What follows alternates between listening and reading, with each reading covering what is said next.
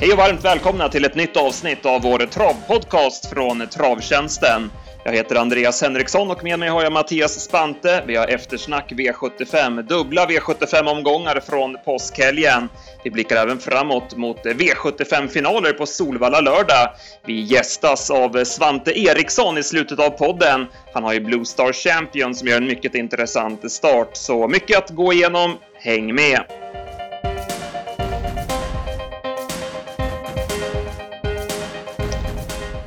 Ja, Mattias, hur är läget efter påskhelgen? Jo, det är bara bra. Det var trav i dagarna tre för mig där. Fredag, lördag, söndag. Så att det var riktigt trevligt och ja, nu är väl travsäsongen igång på allvar va? Verkligen så. Det var ju flera riktigt fina sportsliga godbitar vi fick njuta av här i, i helgen. Vi kan väl börja med Färjestad. Du var på plats och eh, V75s första avdelning och eh, Trinity Set var tillbaka på banan och det med besked. Ja, verkligen. Hon gjorde en strong, strong insats som lyckades plocka ner Roses Glory som hade kört sig till spets. Att, eh, ja, det var verkligen imponerande får man säga när hon tog fram skallen över upploppet. Ja, tränare Redén låg ju väldigt lågt på förhand och det var en överraskande bra årsdebut eh, både för, för honom och för, för, för oss. Men eh, vi gillar ju hästen, det är inget snack om den saken. Nej, nej, vi har ju trott på henne ett antal gånger och är verkligen kul att se henne. Hon såg väldigt fin ut, men som sagt att hon skulle vinna direkt var väl aningen förvånande. Och Roses Glory borde ju ha vunnit loppet när hon kom till ledningen. Veijo körde ju vaket till spets och eh, hade feeling för att Evelina Palema, att Erik skulle släppa där i, i comebacken där och så blev det, men nej, hon borde ha vunnit Roses Glory. Ja, hon borde ha gjort det. Man trodde nästan hon skulle kontra där mitt på upploppet en sväng, men nej, hon fick ge sig och nej, får inte fullt godkänt för den insatsen inte. I övrigt bakom där, var det någonting du tog med dig? Eh, det var väl Stardy Podio som de flesta såg som gick väldigt bra den sista biten. Det var väl hon som var annars bakom var det väl inte så mycket jag tänkte på vad någon du hade. Det blev väl lite snack efteråt eh, om Erik gjorde rätt eller inte som släppte spets, men Även om Evelina Palema kom upp lite grann i ryggar sista biten så kändes det inte som att han hade speciellt mycket sparat. Så att, eh, ja, så var det. V75 2 och eh, det här blev ett galoppfyllt lopp. Det var många galopper där på Färjestad. Du som var på plats, fick du någon feeling? Var det något strul med banan eller något sånt? Ja, jag hörde några aktiva så där klagade på banan att den var lite lös och så som det, som det lät. Så att det eh, är möjligt att det kan ha varit det för det här V75 2 så var det väl, det var väl åtta, nio hästar till och med som hade galopp under vägen så att det var ju enormt många. Jag minns den här, den här tävlingsdagen, det var väl när Pandemotör vann för några år sedan. Att då var också banan lös och inte speciellt snabb så att ja, det kan vara så ibland på Färjestad tydligen. Ja, det verkar vara så. Så att, så att MT King of the Hill blev det ju väldigt bra för. Han hamnade ju väldigt bra till eh, och var väl närmast skyldig att vinna som loppet blev kört. Men han såg ändå fin ut och gjorde det på bra vis. Ja, verkligen. Det var ett eh, häftigt intryck när Björn vred på i sista sväng får man säga. Så att, eh, nej, även om det blev passande för honom med mycket galopp och så, så var han bra. V75 3 eh, sen och eh, Johan Untersteiner tog sin första seger bakom ett kallblod och gjorde det med Kollnäs-Tom. Det var spets och slut.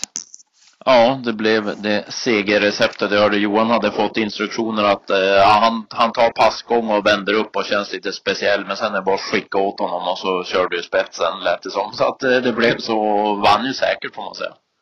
Mm, en bra, bra sprinter det där. Eh, en som väl borde ha vunnit som loppet blev kört var ju Toyo-prinsen som såg ut som en såg klar ut runt sista sväng men han vägrade springa förbi någon på upploppet. Ja, nej, det var väldigt speciellt. Han, eh, nej, det är tur sådana där gånger man inte får lira i sista sväng. För som sagt, det, det fanns ju bara en häst som kunde vinna då tyckte man. Det var ju den. Men ja, att den blev fyra var ju väldigt märkligt. Ja, de springer inte alltid förbi eh, nordisarna. Nej, Eh, annars i det loppet, någonting speciellt? Eh, Ängsrappen tyckte jag såg fin ut i värmning redan och även i provstart och satt ju fast i loppet bakom där som trea. Det är en häst med bra, bra kapacitet på det. Sen hade vi fjärde avdelningen och eh, ett lärlingslopp. Eh, skicklige Niklas Benson körde ett perfekt lopp med Västerbo Starlit som eh, avgjorde på snyggt sätt. Och Benson i biken, det, det är sen gammalt. Ja, verkligen. Och det var en grymt häftig segergest över linjen. Den kom till och med med på målfotot såg jag. Den har båda benen upp i luften över linjen. Så att eh, snyggt målfoto blev det också och vann ju väldigt lätt får man säga. Ja, vi trodde mycket på Boomer i det här loppet, men han var bara dålig. Eh, bakom var det väl Hitman tycker jag som sköt till bra efter sent fritt. Ja, han satt fast och såg, såg bra ut där över linjen. Annars Polykrates Face fortsätter att visa att han är knepig och var ju borta tidigt han. Lös bana och sådär kanske inte var hans melodi heller. Nej. Sen hade vi V755 diamantstoet och eh, Veijo Heiskanen körde återigen vaket. Den här gången med Lovely Sky och körde till ledningen varvet kvar. Och eh, här var det inget snack sen. Hon bara stack undan på, på lätta fötter upploppet ner. Ja, han drog dem sönder och samman sista, sista varvet sen och ja, hon fick utdelning nu och var, var riktigt bra. Hon såg ju väldigt fin ut också så att nej, snyggt som du säger av, av Veijo e- igen i, vad gäller styrningen. Sen är vi 75-6 och eh, El Cantante fick äntligen vinna ett lite större lopp eh, med 100 000 i första här i stayloppet och han är riktigt bra i ledningen. Han släpper ingen över bro när han kommer först. Nej, han är riktigt bra i den positionen. Jag tycker Miki e körde ett snyggt lopp också. Eh, ja, grillade de övriga lite smått sådär allt eftersom och eh, nej, han, han är som du säger riktigt, riktigt bra i spets också. Kander Hall eh, fick inte travet att stämma riktigt. Det kan ju varit den här banan då som inte passade honom. Och sen går vi mot allt snabbare eh, tider med barfota hästar och så vidare och eh, då, då får Kander Hall lite svårt att hänga med.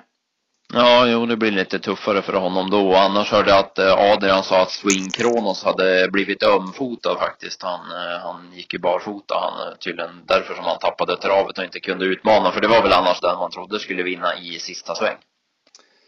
Så var det. Sen hade vi avslutningen och eh, det var ju, ja, får man väl säga ändå påskens eh, stora begivenhet när Propulsion visade klassen.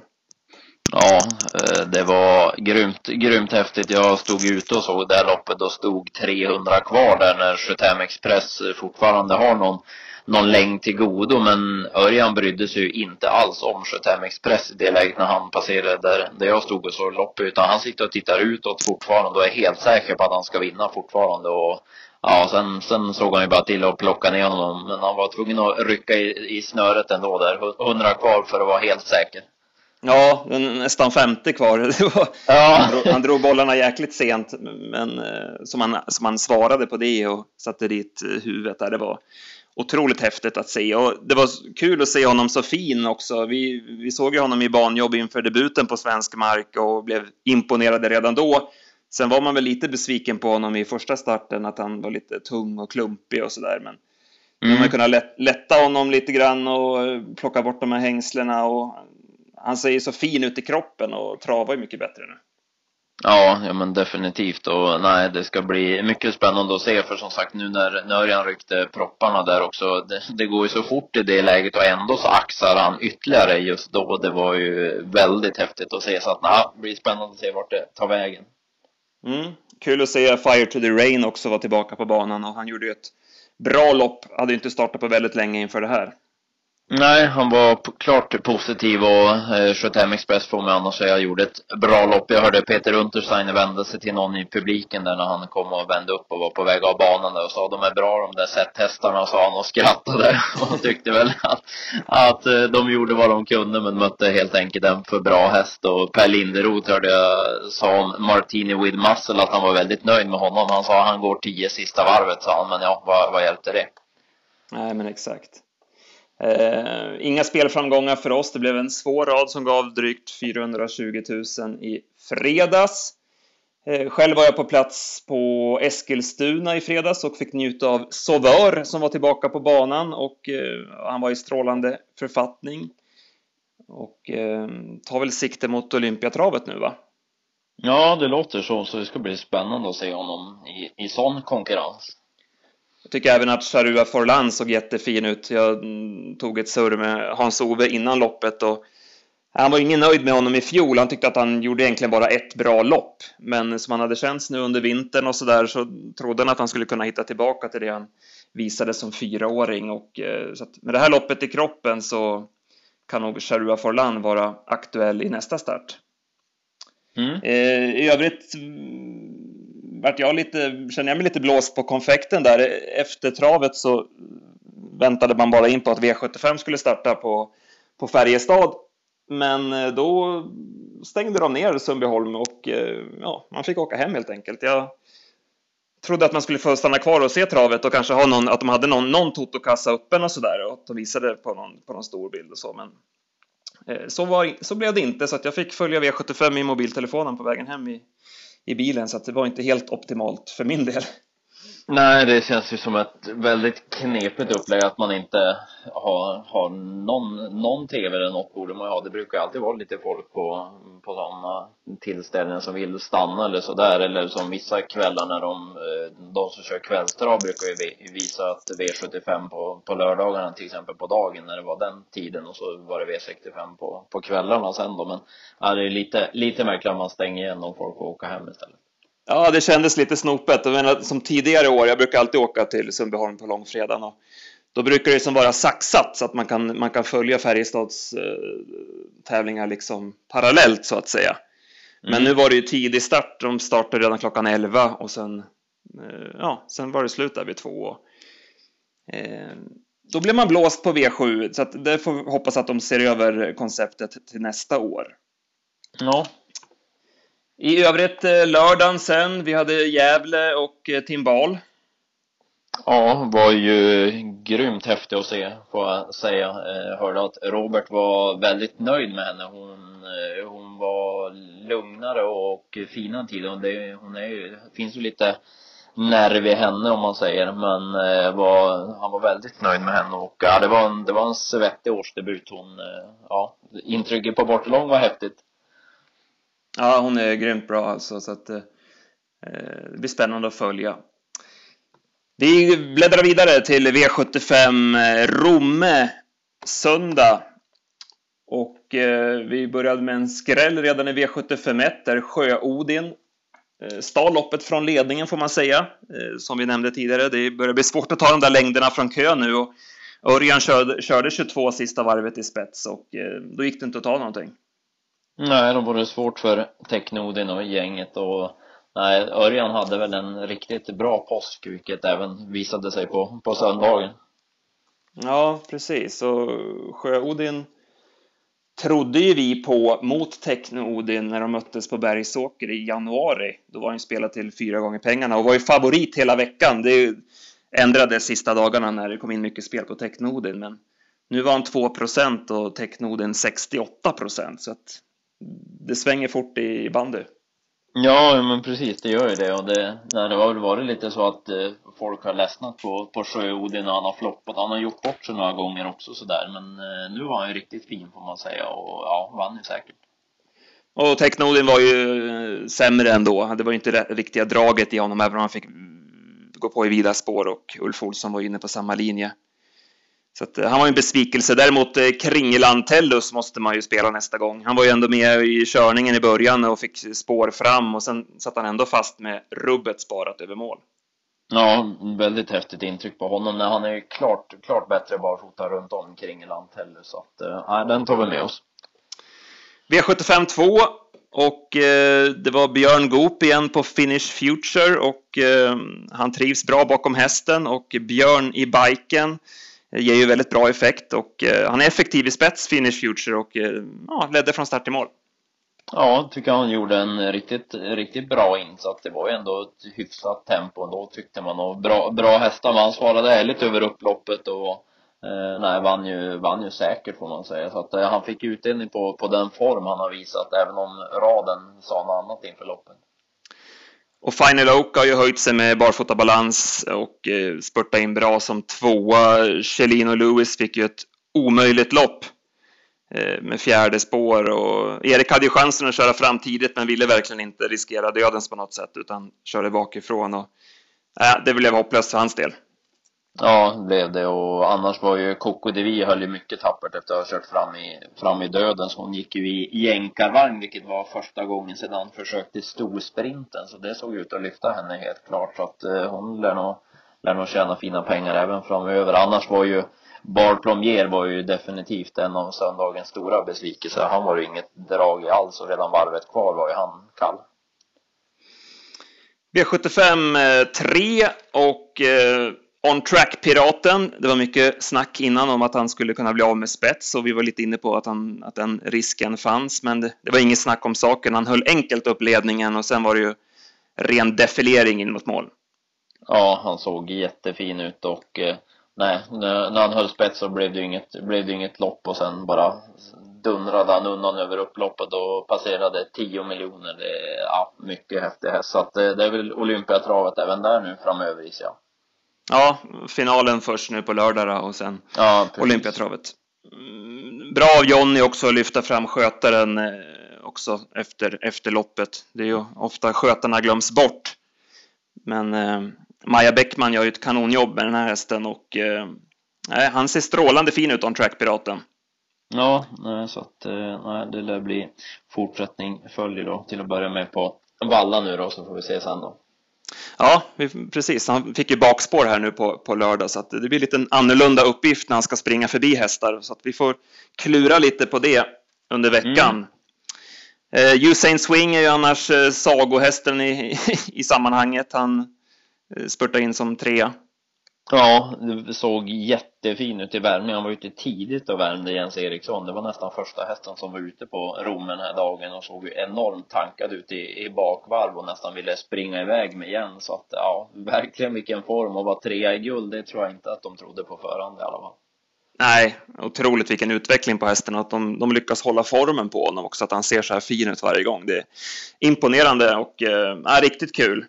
Ja. Eh, Support Justice hamnade ju omöjligt till, gick 11 sista varvet, men det var ju helt utan chans. Ja, när det blev det. Det var hopplöst för dem där bakom när det inte blev. Det blev inte mycket till lopp. V75 4 eh, och eh, Melker visade återigen vilken härlig löpskalle han har och satte dit nosen först eh, för en bra avslutande Alexis Cubano. Annars var det väl ett ganska blekt lopp det här. Eh, Sudbury var ju den som vi tog med oss som satt fast med krafter kvar.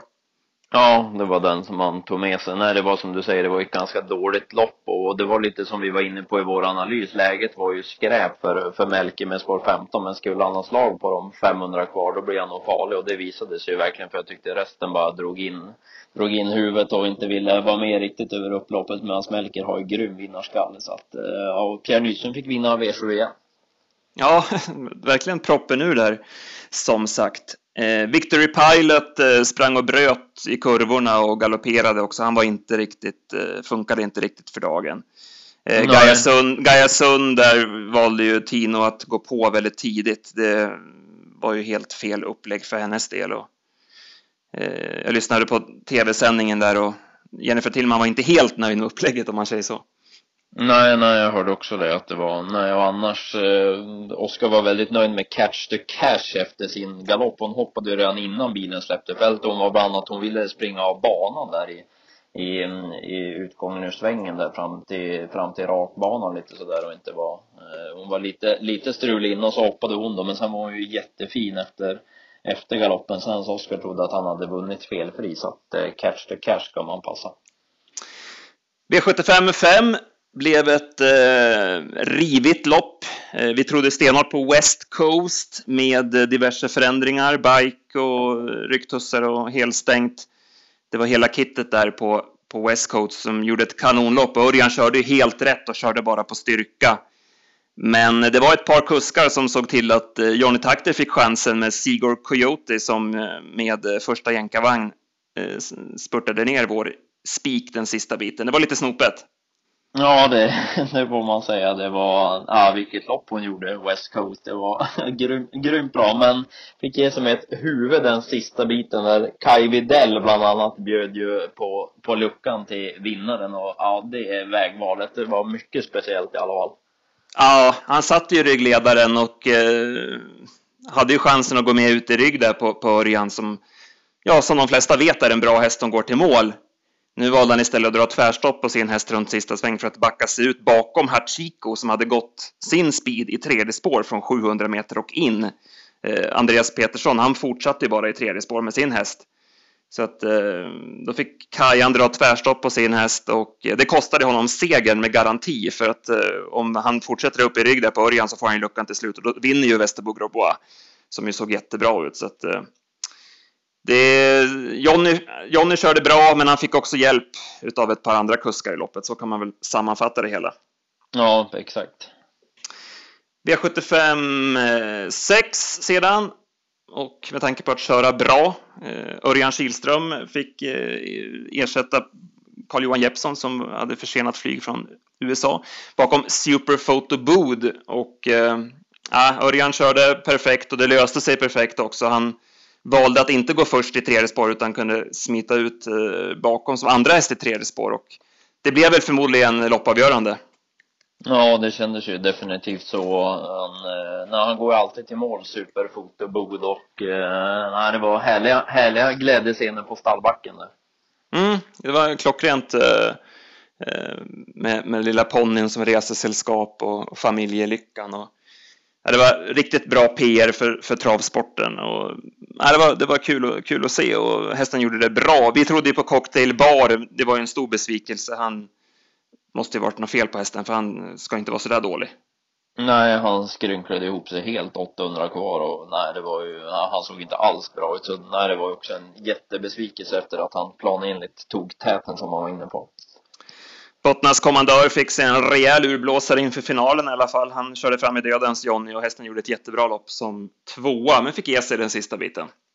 Ja, han var, han var bra och även eh, Tocker gjorde en bra insats också efter att ha fått gå i, i spåren sen under, under slutrundan. Och bakom satt ju Cosmo Light satt ju fast, den var säkert på 0 procent tror jag. Det var jäkla intryck på, på honom, så det är fortsatt, fortsatt form på Cosmo Light.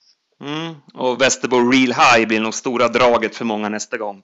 Eh, som han gick eh, och med allt strul som blev för hans del. Ja, nej, han, eh, han såg väldigt fin ut där vid, vid galoppen och annars Montana Crown varnade vi för på slutspelet efter värmningen. Det var ju en annan som satt fast och såg jättefin ut så att eh, det fanns en hel del att ta med sig från V756. Ja, och sen avslutningen då och eh, loppet avgjordes från start när Picasso Sama kom till ledningen, fick bestämma. Det var runt 17 första varvet och mm, han var fin. Han sprang rakt och fint i vagnen och fortsätter att eh, utvecklas. Ja, definitivt. Och Hördeberg var väldigt nöjd också sådär att han sprang eh, rakt och fint och ja, även om det gick sakta första varvet så gick det tio och en halv sista varvet så att eh, det var ett jäkligt bra bronsförsök får man säga. Ja, jag var lite eh, överraskad över Peter G. Normans taktikval med valör. Han, eh, ingenting att säga om att han först släppte fram, släppte fram eh, Scampi, men sen hade han ju chansen att gå ut igen och ta dödens då för att kontrollera loppet och slippa köra på, i överljudsfart som han nu behövde göra då, runt sista sväng. Och Valör har ju inte riktigt den farten i sig än och att han kan spida i de här tempona. Så att eh, han rullade över i galopp i sista sväng. Men jäklar som Valör såg ut både innan loppet och i loppet. Det var ruggigt tankat intryck på hans del. För hans del. Ja, ja, han såg jättehäftig ut och nej, han, han lär ju komma igen men jag håller med just om taktikvalet kanske inte blev helt optimalt den här gången. Och bakom så måste man ju ge Top of the World ändå att han fortsätter att gå bra. Nu spurtar han ju starkt från kön. Det är ju inte riktigt hans melodi normalt sett. Nej, det är ju inte det och nej, det var ju den som var mest positiv i loppet. Jag klockade Beppe Am sista varvet och tyckte väl att han gick ju absolut inte mer än okej okay som först utan pengar. Men det var 11 och, 11 och 1 sista varvet så att eh, det går undan i loppet. Ja, man kan nog lägga ifrån sig klockan snart tror jag. Ja, den får nog ta alla... sommarpaus snart. Precis. Får smörja klockorna och nya batterier och sådär inför hösten. Exakt eh, annars, eh, Romme, du var ju som sagt på plats även där. Vad tog du med dig från, från den dagen? Eh, det var väl, eh, det var ju jäkligt bra, bra för Dala-regionen såklart när On Track-piraten vinner. Det var, det var bra tryck på, på läktaren och sådär då när, när han fick hyllas efter segern. De hade gjort en snygg banderoll, Dalatravet där, grattis piraten 10 miljoner så det var väldigt fin inramning just då, så det, det tyckte jag var kul att se. Ja, annars om vi ska ta spelmässigt så var det väl Sudbury och Montana Crown om jag ska nämna två stycken. Då tar vi även eh, Kringelantellus Västerbo Grosbois. Ja. har vi några stycken att tänka på. Eh, ja, det var allt från eh, helgens trav. Det blev en hel del att gå igenom. Eh, som sagt, många fina sportsliga, fram, sportsliga höjdpunkter. Vi måste kanske även nämna, nämna Luddehästen som gjorde debut här på Halmstad under måndagen. Ja, Rush jo, More Face. Helt rätt. Joke Face-avkomman va? Precis, som vann på 15 och 7 full väg i debuten. Och vi nämnde ju den här hästen i, i podden eh, efter kvalet, var ju väldigt imponerad av hästen i kvalet. Och det led han upp till i loppet också. Ja, verkligen. Nej, det var mycket, mycket häftigt att se och nej, det, det är ju den där tiden nu när de börjar röra på sig, treåringarna, så det är ju verkligen kul att se och ja, man förstår att det blev surr om att det här kan vara en kultopp direkt, för det var ett häftigt intryck. Och om vi blickar framåt i veckan då, vi har V86 onsdag och eh, Nuncio gör eh, en mycket spännande årsdebut och eh, ja, det blir härligt att följa honom. Ja, det ska bli mycket intressant att se och ja, Tarzan lär väl ha honom bra i ordning får man gissa. Han har ju fortfarande inte varit sämre än topp tre och det, det lär ju Tarzan eh, tänka på särskilt mycket när det gäller avelsvärdet så är ju en sån, sån grej mycket bra att ha med sig så att nej, man behöver nog inte fundera på att han kommer vara bra. Sen får man klura då hur, om, han, om det blir seger direkt eller inte. Det var ju ett spår 7 och 1640 och bra konkurrenter. Ja, precis. Han möter ju eh, Smiling Eli bland annat från Redéns stall och Venkatesh eh, har ju gått ett bra banjobb inne på Solvalla inför det här och blir också spännande att följa. Mm.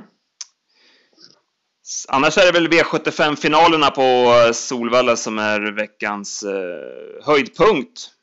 Och eh, ja, det såg ut att bli ett spännande lopp. Däremot var vi lite besvikna när vi såg att det inte var fullt anmält till varken stoeliten eller eh, silverdivisionen.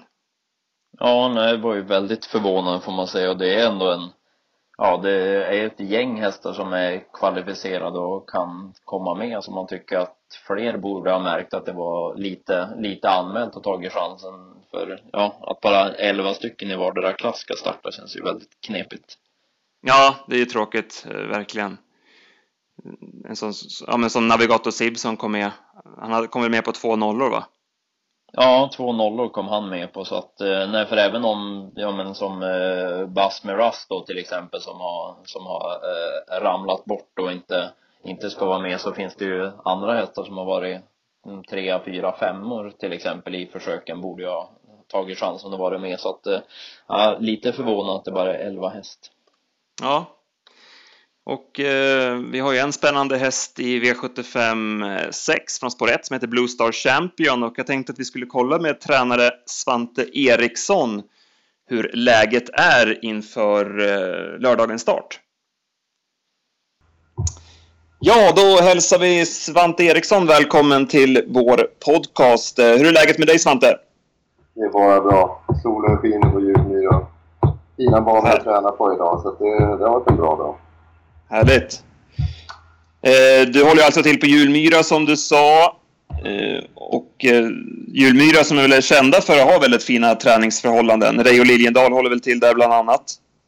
Ja, exakt. De, de satsar hårt på att hålla banorna fina hela tiden och, och eh, prioriterar verkligen banorna och det är det man söker som tränare och ha bra underlag att träna på så att eh, jag trivs jättebra här. Hur länge har du varit eh, egen proffstränare? Ja, på pappret så är det väl ett, drygt ett år nu. Och vart var du innan, innan dess? Innan jag flyttade hit så var jag Strängnäs på Marcus B. Svedbergs gård. Eh, det var där jag drog igång då och sen så behövde jag mer platser och då var jag runt och tittade en hel del. Och Julmiddag var väl det som föll mig bäst i smaken så där Mm. Jo, vi är ju inne på V75-finalerna Solvalla lördag och eh, Blue Star Champion har ju du till start eh, som ju du verkligen har lyckats väl med. Eh, hur länge har du haft hästen? Ja, vad kan det vara nu? Det är inte mer än tre månader. Han kom till mig, jag hade krånglat mycket med honom innan. Och, eh, eller ja, han har ju varit en bra häst hela tiden och, och gått väldigt bra förut också. Men eh, sen hade vi krånglat lite hos Stig i slutet där så att det var väl Stig själv som hade sagt till ägaren att han tyckte att jag skulle testa något nytt. Och då fick jag chansen med honom och eh, sen har han, det har varit en sån där drömhäst som man kan få i träning. Han har bara tränat på och eh, utvecklats hela tiden och sen kändes han så pass fin så, så pass fort och eh, då var det bara att testa och starta och sen så har han ju varit jättebra i de här två starterna som jag har haft. Ja, verkligen. Det är annars en häst som det känns som att det har varit en del strul med historiskt sett med fräschör och lite temperament och sådär. Men du tycker att han har varit klockren hela, hela tiden? Jo, exakt. Det kan ju bli lite... Jag vill inte veta för mycket om honom när han kom till mig utan jag vill liksom skapa min egen uppfattning. Och, och eh, det har väl inte varit så, så, så mycket krångel med det tycker jag inte. Det är lätt att man blir sådär om man vet att de är stökiga att hålla på med eller brukar vara halta på ett visst ställe. Då sitter man och tittar för mycket där. Så jag ville skapa en egen uppfattning mm. och, och eh, sen så har det fungerat helt enkelt. Ja. Det kan inte ha varit så, så, så, många hästar i historiskt som har kommit från Stigå som har tagit två raka i nya regin. Så du har fått Nej. mycket beröm för jobbet du har gjort med hästen. Jo, så är det ju. Eh, ja. Men samtidigt så... Det, det märks ju att om en bra tränare har haft dem innan också, för då är de ju väljobbade och sådär. Det är inte så att man behöver sitta och grunda dem direkt. Utan det är bara att hitta lite rätt med dem så funkar Han var ju väldigt fin i debuten för dig när du bara blåste runt dem där på, på Romme och senast gjorde han ju ett jättebra lopp även utvändigt om ledaren. Nu har han inte startat på en månad. Var det planerat efter senaste starten? Ja, eh, han är väl den där akilleshälen som jag har märkt med honom, att han behöver ju rejält med tid för att återhämta sig mellan loppen och sådär. Eh, just för att han ska hålla sig fräsch och fin och, och vara var i den författningen som han har varit nu. Så att, eh, det har ju varit planlagt att han skulle få en månad mellan loppen här. Hur eh, ser du på loppet på, på lördag då? Spår 1 bakom bilen, om vi börjar där. Eh, det var väl kanske inte egentligen optimalt för honom, även om det inte är ett dåligt spår för där. Eh, kan bli svårt att hålla ledningen därifrån, eh, även om jag inte tror att det är omöjligt. Då. Eh, och är det så att man inte får ledningen då är man ju utlämnad åt eh, vad de andra hamnar vad man gör. Så det är inte optimalt, men det går inte att gnälla på heller. Han har varit kanske lite sådär stressad från spår långt in på vingen tidigare, men svårt för dig kanske att känna av det. Eh, hur, hur kändes han senast på Bergsåker bakom bilen? Han kändes stabil och fin och sen så gick han med järnskor runt om då. Eh, så jag hade väl ingen feeling för att jag skulle få ledningen då så det var inte direkt så att jag testade heller. Men det, känslan var ju att han kunde ha öppnat om jag hade velat. Mm. Är du inne på att lätta honom i balansen till den här starten? Ja, han kommer gå barfota fram och det är första gången vad jag vet i hans karriär som han gör det. Eh, och sen ett par lättare skor bak också så förhoppningsvis så blir han lite snackigare direkt från start. Lättare för. Just barfota fram, är det, om man tänker just med förbättrad startsnabbhet, är det, tycker du att det är som är en extra växel bakom bilen då? Ja, alltså känslan som jag har haft är väl att han inte kan gå barfota runt om riktigt än. För att eh, han har lite lätt att, att slå ihop och då brukar det vara lätt, bättre att ha lite skillnad mellan fram och bak. Och för att få honom så snabbt som möjligt från start så tror jag att det är optimalt. Jorma i vagnen, eh, tanken med det? Jag tycker att eh, i de här lägena så handlar det liksom om att eh, få ut det bästa möjliga av hästen och att hästägaren ska få så mycket pengar som möjligt. Så det har gått bra när jag har kört själv också men samtidigt så om jag gör misstag fem av tio gånger så kanske Jorma gör en gång av tio och då känns det säkrare att ha Jorma i sånt här mm. Annars eh, går han med helstängt och vanlig vagn och eh, Ja. ryckhuva. Ryckhuva hade han ju sist, men då har han ju tussarna kvar under huvan.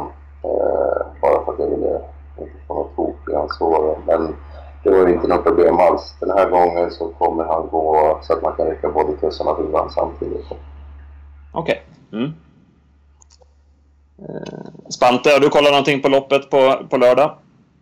Eh, Ja, det var väl en rätt bra klass 1-final får man väl säga. Det är ju en hel del som har varit bra får man säga. Så att, eh, lite intressant att se hur strecken kommer falla också. Det känns väl lite lurigt så här tidigt på veckan att veta hur, eh, hur strecken faller där.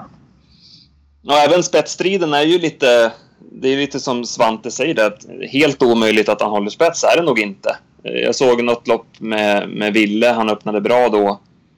Eh, Och eh, även om den gången från innerspår där så kunde han inte hålla ledningen, då var han lite för stressad. Men han har ju öppnat bra någon gång från spår långt in också. Så att med Jorma och barfota fram så är det väl inte helt omöjligt. Det är ju The True F som står sida sida som är snabb och även eh, Digital Control från spår 6. De är ju snabba.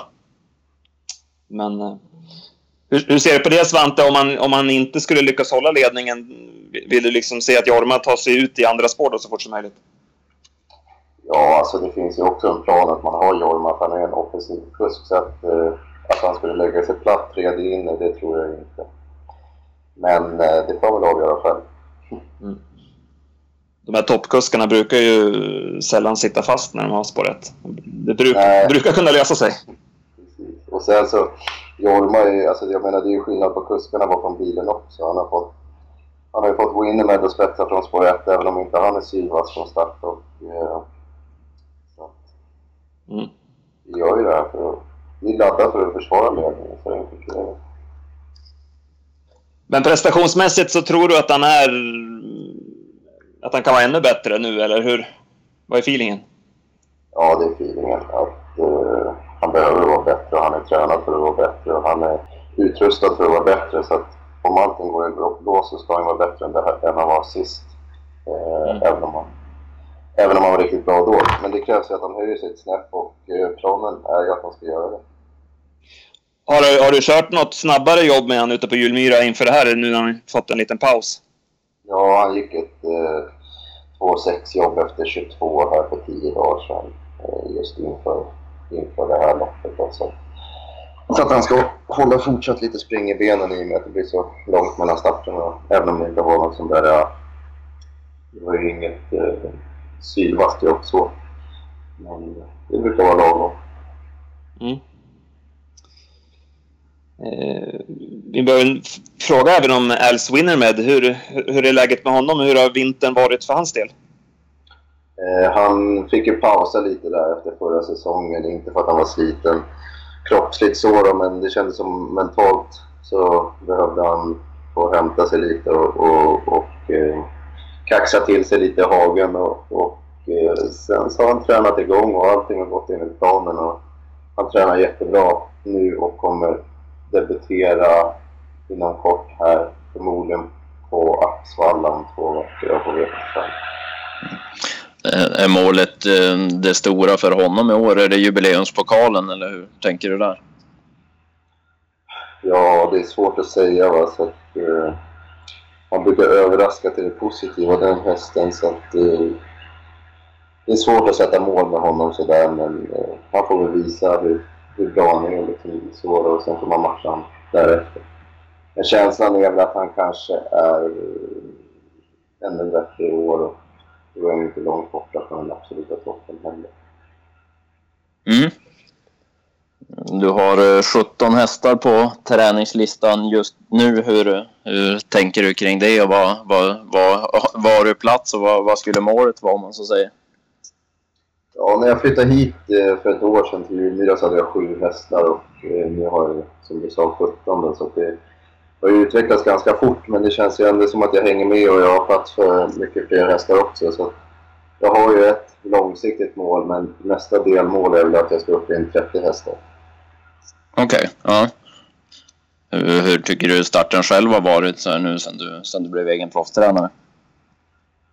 Eh, vad ska man säga? Det är klart att... Eh, mycket har ju kretsat kring Winnermed som förra året då, och eh, han har ju varit extremt viktig för att jag ska få den här utvecklingen och få in nya hästar också. Eh, han är ett kvitto på att liksom, systemet fungerar om man säger så. Sen så känns det ju som att i år har jag ju för första gången lite bredd på stallet också. Jag har ju några under Winnermed som, som eh, champion champion som kan vara med och, och eh, Eh, slåss på V75 och sen finns det även flera andra intressanta hästar i stallet som inte har tjänat så mycket pengar och står bra inne i sina klasser så att, eh, så att kan man få lite bredd på det i år och dessutom ha en topp så, så borde det kunna bli ett jättebra år. Ja, du har ju fått eh, mycket beröm för du har ju dels Blue Star Champion då, men du hade ju även Calvin som debuterade för dig med seger direkt också. Så eh, känns ju verkligen som att det varit eh, bra prestation av nyförvärven också om man säger. Jo, precis. Och det, det är det som, det, är det som eh, behövs också om man säger. Det går inte bara en bra häst utan jag måste ha flera, flera stycken som kan hävda sig. Det går inte bara att lita på en utan man måste försöka skapa lite bredd i stallet också och nu känns det som att jag har chansen att göra det. Se att det står en, en treåring och fyra tvååringar på listan just nu. Vad, vad kan du säga om de, om de yngre förmågorna? Ja, treåringen, han känns väl som en hygglig häst alltså, och eh, han ska ut och starta här snart. Eh, tvååringarna känns ju fina allihopa så alltså, att, eh, det är fina hästar och sådär. Det är för tidigt att säga om de kommer bli bra eller inte men de har i alla fall förutsättningar för det. Något annat namn, någon annan hästnamn sådär man bör se upp med framöver från ditt stall? Ja, alltså jag årsdebuterade den här Mr Mayday här för någon vecka sedan och han är ju en riktig strulfälla alltså. Men skulle man få ordning på en sån så är det en häst som kan gå riktigt långt och sen så är även Calvin där som vi pratade om eh, en häst som jag tror det måste ju liksom klaffa med de hästarna också. De måste hitta sig själva men gör de det så så är det hästar som kan bli riktigt bra. Vad tyckte du om eh, Calvin i fredags? Nej, det var väl en liten flopp i fredags, även om han var tre och gick hyggligt och sådär. Men han var eh, alldeles för pigg och låg på för hårt så han tappade, tappade lite ork till slut på grund av det. Då. Men eh, samtidigt, det är en ung häst och han har inte gjort så många starter för mig. Det tar ett tag innan man lär känna dem och hur man ska utrusta dem på rätt sätt för att få ut det bästa av dem. Så att, eh, jag är inte så orolig för det. Eh, men samtidigt så, så det var väl inte ett lopp som kommer gå till historien som en av, ett av hans bästa. Det. Nej, det, det han visade i debuten för dig kändes ju som lite, lite annat än, än det som han visade i fredags. Jo, precis. Men som sagt, det fanns ju en förklaring till det också. Eh, mm. det går inte att springa.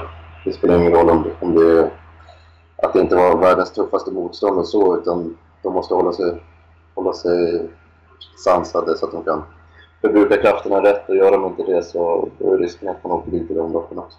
Mm. Och Mr Mayday han startar på uh, Hagmyren? Torsdag? Ja, Torsdag, ja. Låter som att vi kan, prov, vi kan prova någon krona, låter det som. Ja, det kan man göra. Men det vet man aldrig med honom. Det är som att spela på rysk roulette. han, han älskar att skriva till det först. Eh, springspår för honom. Vad, vad tror du om det? Det känns som att där borde han kanske kunna mm, ja, ta, en, ta en lugn start om man så säger. Sist var det ju spår 1 då var det lite annat, annat läge så sett. Jo, exakt. Eh, där man göra lite som man vill och den här gången kommer det bara handla om att försöka hålla mig kvar. Eh, så det, det behöver inte vara helt bra. Mm, debut på 2,6 för honom. Vad tror du om det? Det är nog inga som helst problem. Det är en stark och rejäl häst på så vis att eh, jag tror det passar honom bra. Känns ju vid en första titt som att eh, man sticker inte ut hakan när man säger att du har bästa hästen i alla fall. Jag hade ju 13 och 2 1800 meter efter galoppen sist så att kapacitet det, det finns det. Jo exakt. Eh, det finns massor av kapacitet. Hur är det planerat med balans och huvudlag och sånt för honom nu? Några ändringar kontra senast? Eh, han kommer att gå barfota fram. Sist hade han ett par tåskor fram. Så att, eh, men det är väl enda skillnaden så här som jag har funderat på än så länge. Mm. Låter bra det. Eh, annars då i stallet och så, har du plats för fler hästar och vill du utöka med fler eller är du nöjd med antalet du har just idag? Ja, som sagt så nästa delmål är att komma upp i 30 hästar och, och det är inget man gör på en natt så då, men det är det jag jobbar för hela tiden. Plats finns det för det också. Det låter bra. Då är, eh, då är vi nöjda så. Spante, hade du någon mer fråga? Um, nej, inget jag kommer på nu. Jag kan bjuda på en vinnare till lördag. Det kan jag göra. Däremot eh, på V4. Eh, ja, men precis. Förutom Bluestar Champion då. Förutom Bluestar Champion så kan vi väl ta, vi kan ju ta en häst vi har nämnt här i podcasten förut. Uh, V4 3 på lördag startar ju en häst som heter Fonda Bocco uh, som har en bra uppgift. Uh, såg ju Fonda Bocco i banjobb för förra onsdagen där det var 14,5 1600 meter med 11,5 sista fem och det var ju i bländande bra stil. Nu ska det väl tilläggas att det testades barfota runt om då. Får man kolla vad det blir för balans på lördag. Men han duger nog gott med skor också och eh, borde ha bra chans i V4-3. Bra, då rundar vi av med det. Så tackar vi dig Svante för att du var med i vår podcast. Ja, tack så mycket. Tack till er som har lyssnat också. Vi hörs nästa vecka. Hej då!